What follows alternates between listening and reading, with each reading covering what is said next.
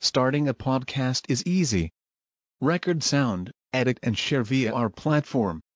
Anchor is the easiest way to create podcasts, Spotify's offering to you. Distribute your podcasts to the most popular listening platforms, including Spotify, Apple Podcasts, Google Podcasts, and more, with just one tap. Download the free app to start your podcast with the versatile platform from Anchor. Thank you. Bismillahirrahmanirrahim. Waalaikumsalam warahmatullahi wabarakatuh. Baik, terkait dengan pertanyaan pertama, infus saat Ramadan, apakah ada kekhususan? Bagaimana yang membatalkan puasa dan bagaimana yang tidak membatalkan puasa? Dijelaskan oleh para ulama, baik ulama yang di Saudi, demikian pula yang di Yaman dan yang lain-lain, bahwasanya infus di sini terbagi dua. Yang pertama, infus yang sifatnya adalah taghdiyah, yaitu memberikan gizi, memberikan makanan. Nah, ini membatalkan puasa, seperti garam, yaitu apa natrium klorid atau mungkin glukos. Nah, ini membatalkan puasa. Demikian pula masuk di dalamnya adalah yaitu transfusi darah, yaitu orang yang puasa di dikasih tambahan darah, maka ini adalah membatalkan puasa.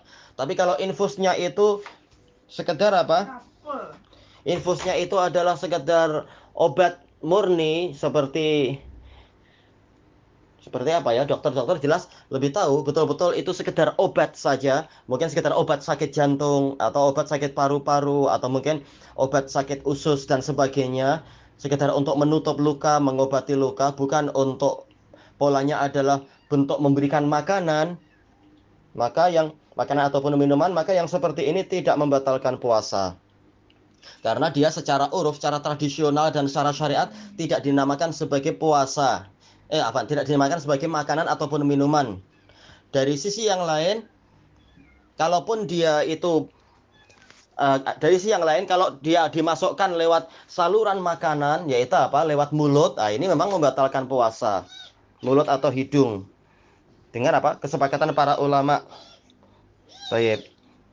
Kemudian untuk pertanyaan yang kedua, bagaimana dengan obat-obatan asma yang disebutkan in, yang disebut sebagai inhaler dimasukkan dalam mulut dan sebagainya membatalkan puasa? Para ulama mengatakan ini tidak membatalkan puasa karena dia secara syar'i dan secara urfi dia bukan makanan dan dia polanya hanyalah hawa yaitu apa? semacam udara, benda gas yang tujuannya adalah untuk membuka dan melebarkan saluran-saluran pernafasan. Maka yang seperti ini tidak membatalkan puasa. Itu dari satu sisi. Dari sisi yang lain, boleh jadi ini tingkat darurah. Karena orang kalau tidak bernafas, dia boleh jadi akan meninggal dunia. Maka ini tidak mengapa. Darurah.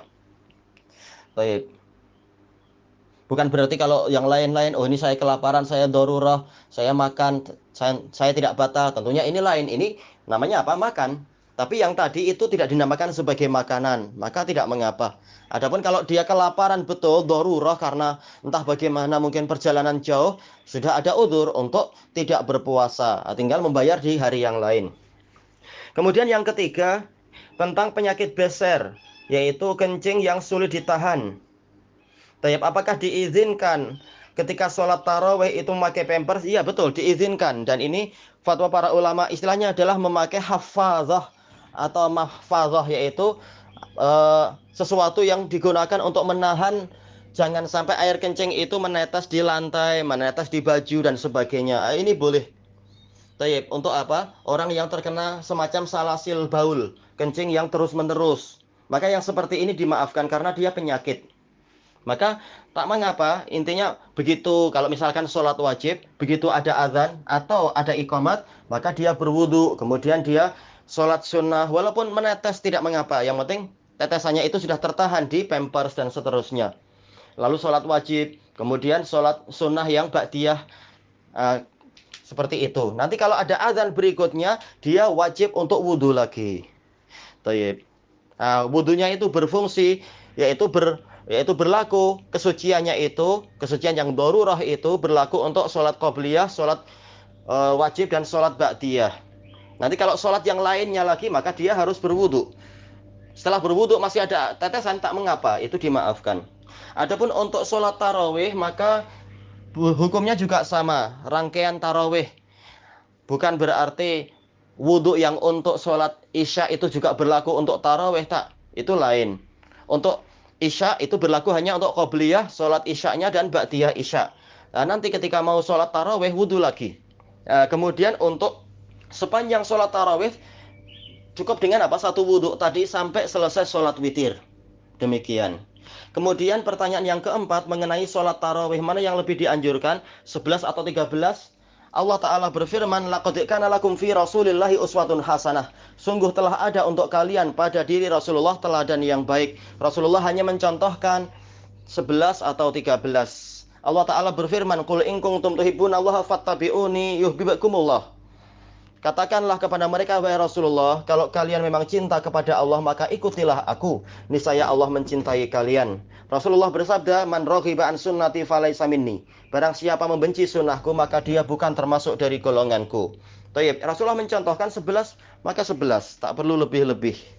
Taib. Kalau orang mengatakan, Rasulullah 11 tapi tengok panjang sekali. Taib. Kita tanya, kalian yang 23 rakaat panjangnya berapa? Rata-rata malah apa orang awam itu dan para kiainya itu sholatnya adalah sholat bagikan kilat atau bagikan orang berolahraga yang sangat cepat, bagikan ayam mematuk, kecuali orang-orang tertentu yang tidak seperti itu.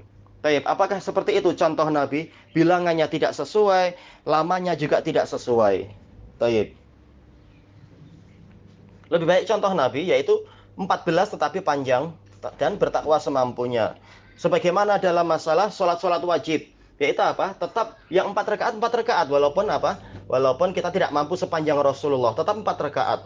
Bukan dengan alasan oh Rasulullah empat rakaat tapi satu jam atau dua jam. Saya buat berarti delapan rakaat. Tak ada itu. Kenapa kalian tidak melakukan itu? Karena kalian sendiri tahu sholat empat rakaat memang hanya empat rakaat. Maka seperti itu pula lah dalam masalah tarawih.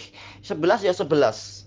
Walaupun kita tidak sampai mengatakan kalau oh, polanya adalah seperti sholat wajib. Kalau melebihi empat berarti apa? Dengan sengaja berarti batal karena menambah rukun. Tapi ini sholat sunnah dan memang ada sedikit khilaf di kalangan para ulama tentang masalah ini dari beberapa pemahaman dalil. Maka yang rojih adalah 11 walaupun kita tidak sampai mengatakan yang sampai 23 itu batal atau tidak. Tapi ini tidak sesuai dengan sunnah Nabi Shallallahu Alaihi Wasallam.